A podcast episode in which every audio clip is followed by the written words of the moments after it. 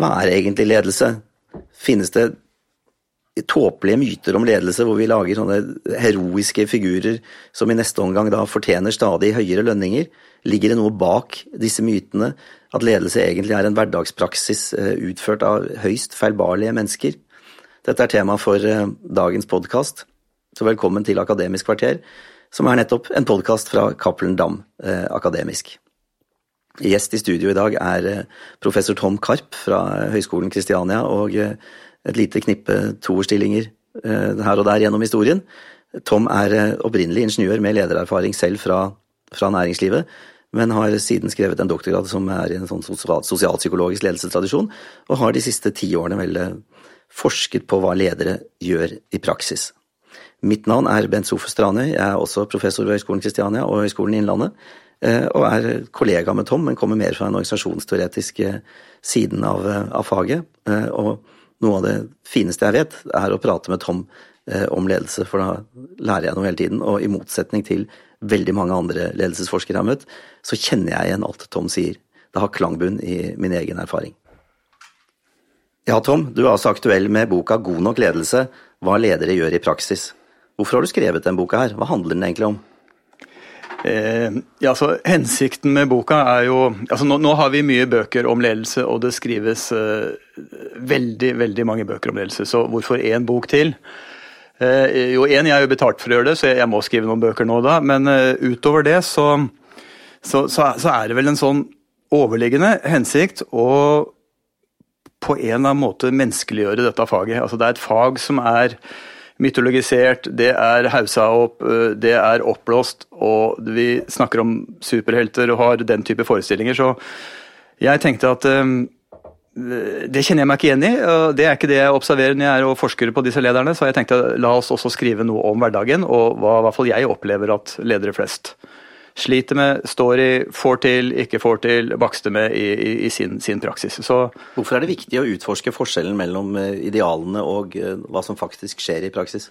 Nei, Det er et spennende spørsmål, og mange syns ikke det. Jeg syns det er viktig, og hvorfor syns jeg det er viktig? Jeg tror eh, For ledere, for at ledere skal kjenne seg igjen i dette her, og kunne bruke forskninga til noe, og kunne gjøre forskninga til noe som er anvendt, så tror jeg det må i større grad handle om deres hverdag og deres utfordringer.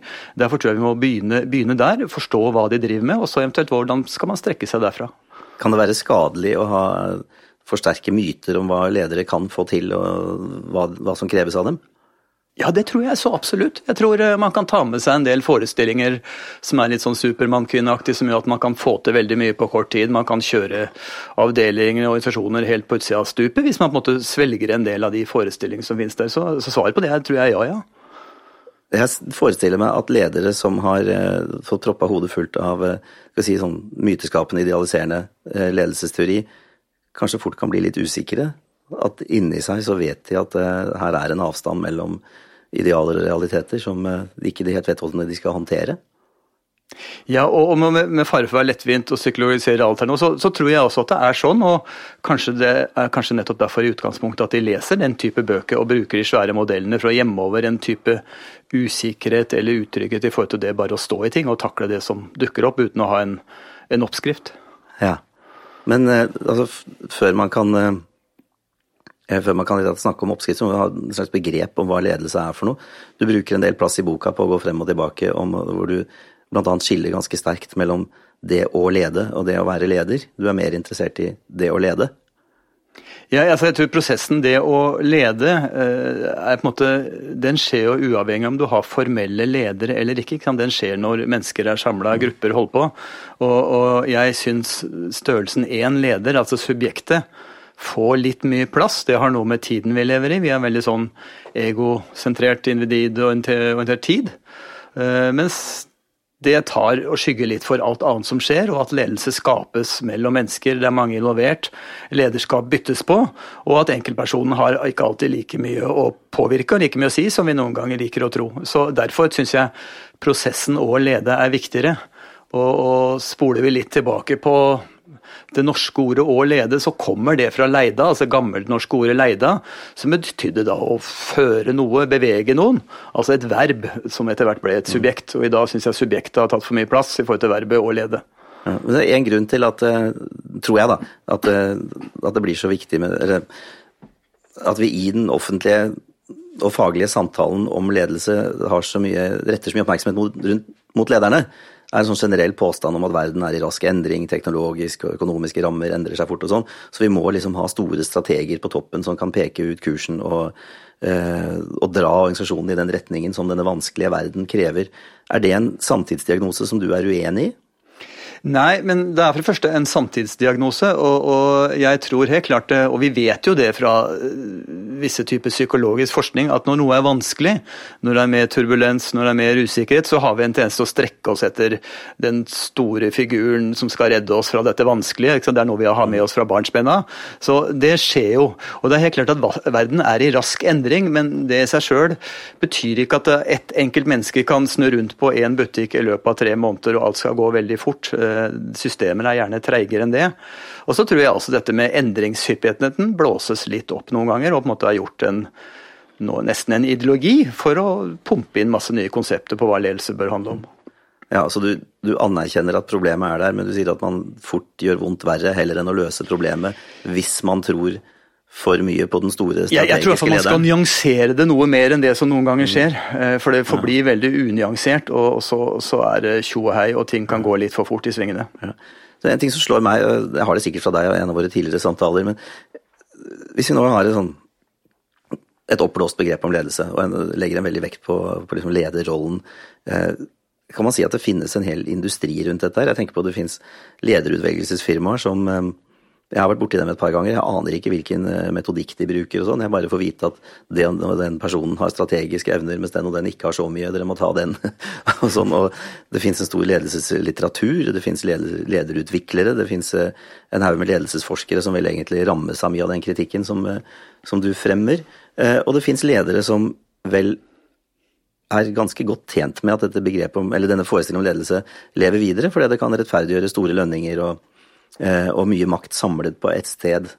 Dette var jo ikke litt av et spørsmål, Tom, jeg har kanskje svart på det selv. Det er, du, har, litt svart på det sjøl, men ja. jeg, jeg, tror det er en del av forklaringene. Og jeg, jeg skriver jo det at det, jeg syns det fins en ledelsesindustri og lederindustri. Og så er jeg en del av den industrien sjøl, så her kaster jeg stein i glasshus og det singler.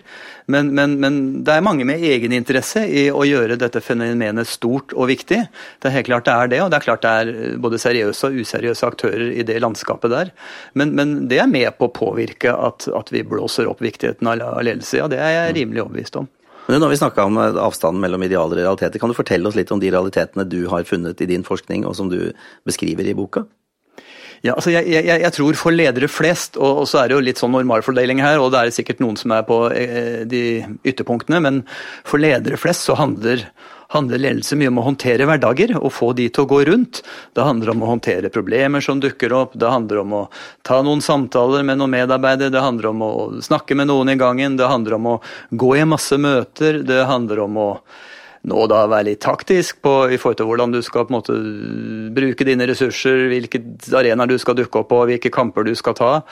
Og, det handler om å passe på deg sjøl og sette noen grenser for hvor mye du er med på osv. Så, så det er på en måte en del eh, noe vi nesten kaller det administrative forhold, men en del mer sånn pragmatiske, prosaiske forhold som ofte preger de fleste lederes hverdag.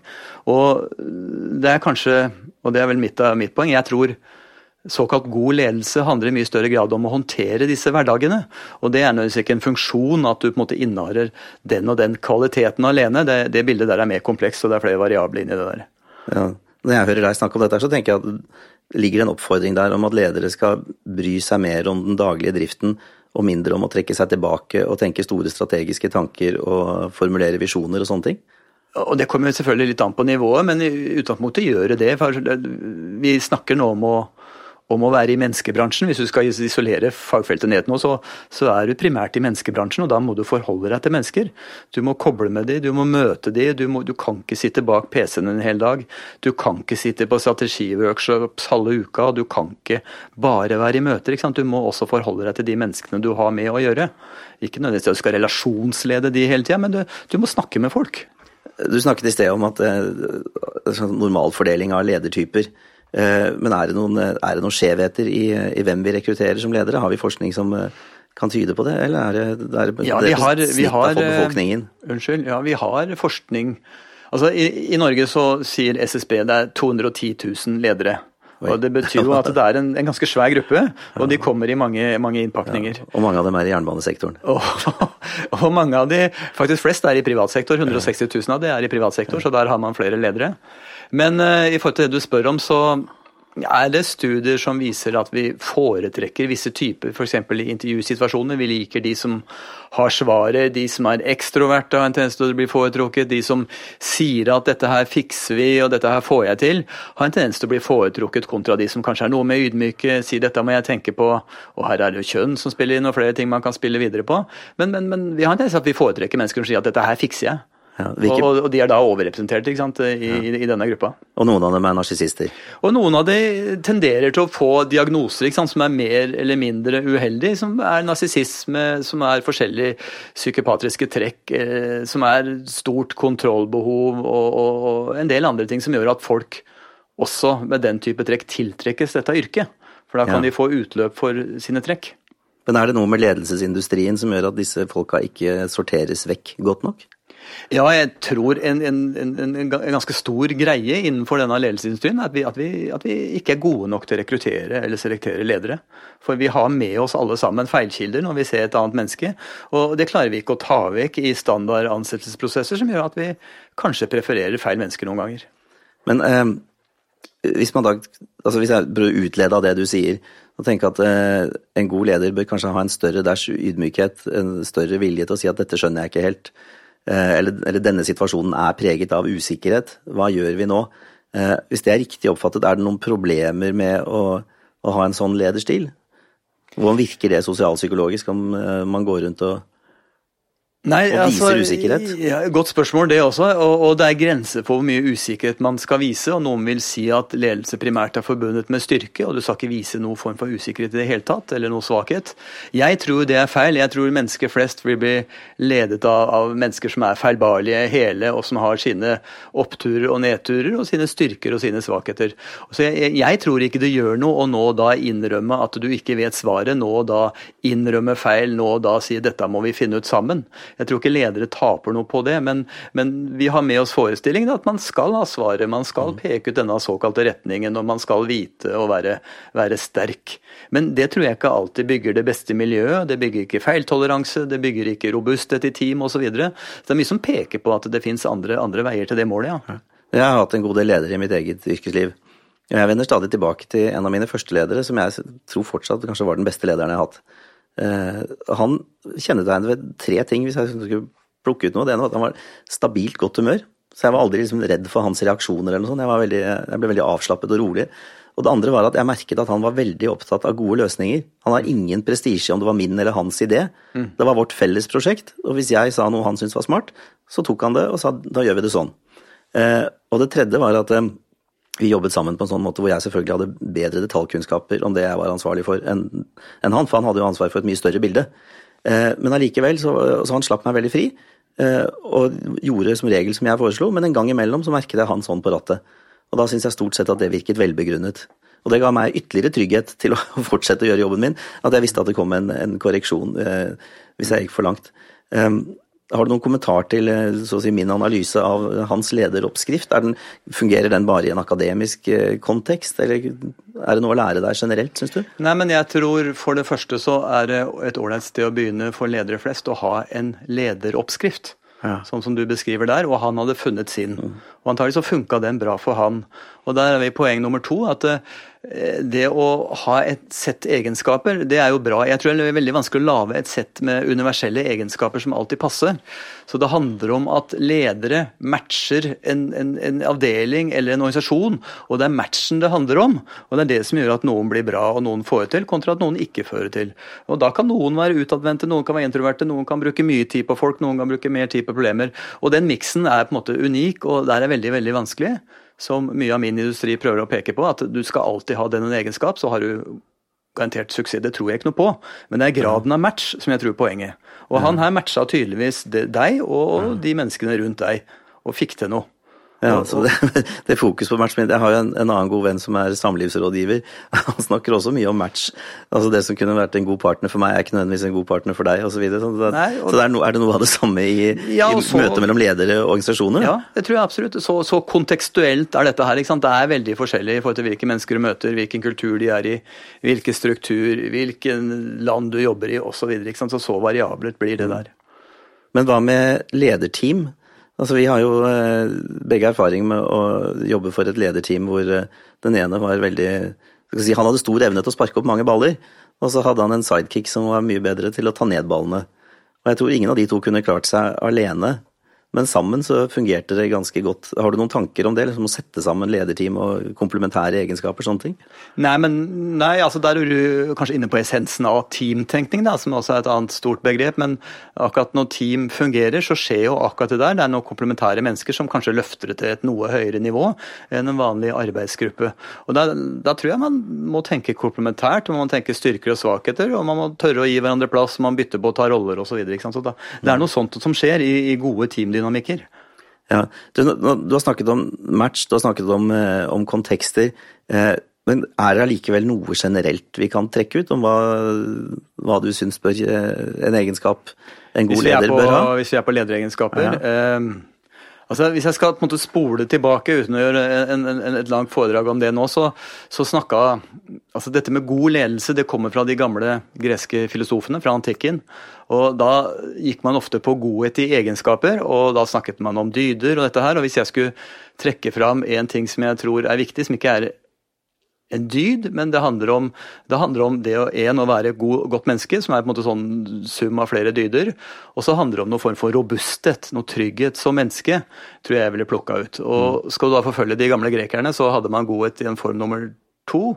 Og det handler om godhet i handling, altså at man jobba mot noe større enn seg sjøl. Godt samfunn. Alle skal kunne realisere sitt potensial osv. Det snakket de gamle grekerne om. Og det er vel kanskje noe der, da, at man, man mm. ser noe større enn egeninteressen. Men kan, kan, du nevne de dydene som inngår i godhet? Eller et par av dem? Nei, altså Det er visdom. Praktisk visdom var jo grekerne veldig opptatt av. De var opptatt av måtehold, av mot og rettferdighet. Det er de fire klassiske dydene som ja. man gjerne skulle score på. Og Til en viss grad så gjelder nok noe av det i dag også, men, men igjen, det, det må matche situasjonen. Ja, og så må du da altså Den ideelle leder i dine Eller nå vil sikkert ikke du bruke begrepene ideell leder, men i hvert fall hvis jeg skal prøve å tyne deg til noen normative eh, noen normative konklusjoner, så skal det da kombineres med, med robusthet og trygghet. For Det var jo tror jeg, noe av det jeg så i han ideallederen min som jeg trekker fram. Altså, jo, jo, for meg er det et tegn på trygghet at han lot meg bestemme så mye. Ja, jeg, han var, altså, Egoet hans ble aldri utfordret av at jeg hadde en god idé. Eh, men eh, du har et kapittel som, i boka som heter 'Hvorfor praktiserer ikke ledere god ledelse'? Hva er de viktigste hindrene for eh, at ledere skal praktisere god ledelse, etter din vurdering? Ja, for dette er et fagområde som er så godt, og det gjør vi også i dagligtallet. Altså, vi mener veldig mye om, om hva god ledelse er. Men, men, og det er ikke det som er vanskelig, å peke på hva god ledelse skal være. og Det vanskelige er jo å gjøre det. Mm. Og det er jo ikke bare innenfor ledelse, det gjelder jo mange av livets uh, sfærer. At vi, vi, vet hva vi bør gjøre, men så ender vi opp med å gjøre noe annet. Det gjelder jo i samliv, i vennskapsforhold, og, som far til fire barn osv. Barneoppdragelse. Så, så, så, møter jeg den der. Men, men, men altså, jo, men det, det der handler om barrierer. Jeg snakker om barrierer. Det handler om at det finnes barrierer i omgivelsene rundt organisasjonen, som handler om målstyring fra politikere, hvis man driver i offentlig sektor, som handler om endringspress, som handler om konkurranseintensitet i visse markeder, som gjør det vanskelig å lede. Så er det barrierer internt i en organisasjon som har med struktur, kultur, miljø å gjøre, ansatte som ikke har nok kompetanse, at vi selekterer feil ledere, som vi snakka om i stad.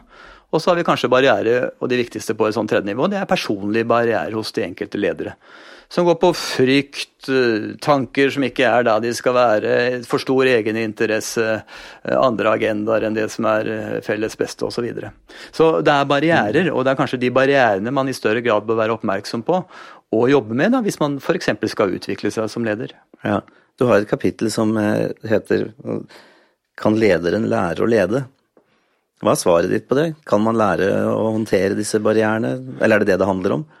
Ja, til en viss grad så handler det om å på en måte redusere noen sånne barrierer. Eh, og svaret på det altså svaret på det er på en måte litt delt. Vi har gjerne trodd, det, er en pendel som svinger litt. Før så trodde man hvis vi før, da, 50-60-70 år tilbake, så at folk var født ledere, så svingte pendelen den andre veien. At alle kunne lære seg alt, og alle hadde like stor sjanse.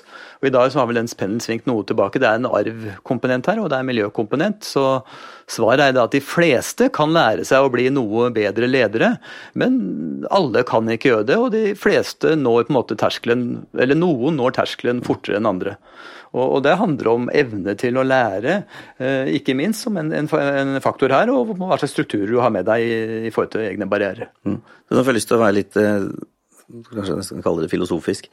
Um, du har snakket om matching, og du snakker om, liksom, om, om, eh, om barrierer og miljøet rundt og sånn. tenker at Hvis jeg bruker meg selv som eksempel jeg, Noen sammenhenger så blir jeg mye bedre enn andre sammenhenger, langt på vei avhengig av hvem jeg samhandler med. Altså Det finnes settinger som får fram min usikkerhet, som får fram min forfengelighet, som får meg til å oppføre meg på en måte som gjør at når jeg kommer hjem, så tenker jeg faen, det der håndterte jeg dårlig. Mens det finnes andre sammenhenger hvor det flyter. Uh, og, jeg, altså, og det er nesten, sånn jeg tenker på nesten som et sånn emergent fenomen, altså et fenomen som ingen har styrt, uh, men som har oppstått i møtet mellom mennesker. Uh, er jeg inne på noe vesentlig? For det, det, gir en sånn følelse av på en måte en, en tap av kontroll og tap av styrbarhet.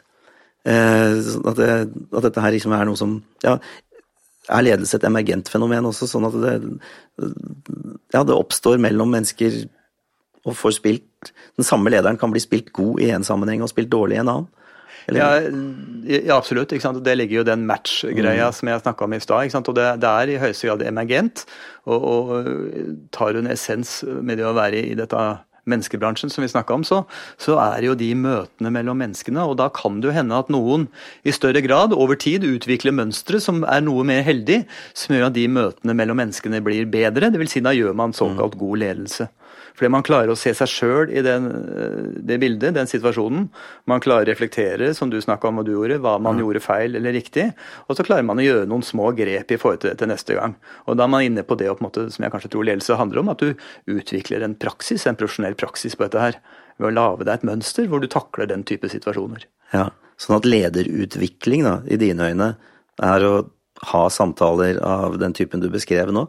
Altså hjelpe mennesker å reflektere over hvordan de håndterer barrierer, hva slags sosiale samspill som er. og ja, og nå kommer jo også lederutvikling i mange fasetter. Liksom. I forhold til det å komme lenger til å være i menneskebransjen og håndtere andre mennesker, så tror jeg det handler mye om den type refleksjon. Utsette seg for den type situasjoner, få tilbakemeldinger. Evne å lære av det uten å på en måte gå i lås osv. Det ligger veldig mye utvikling der. Dere har nå hørt en episode av Akademisk kvarter, en podkast av Cappelen Dam Akademisk. Boka God nok ledelse kan kjøpes i butikk eller på nett.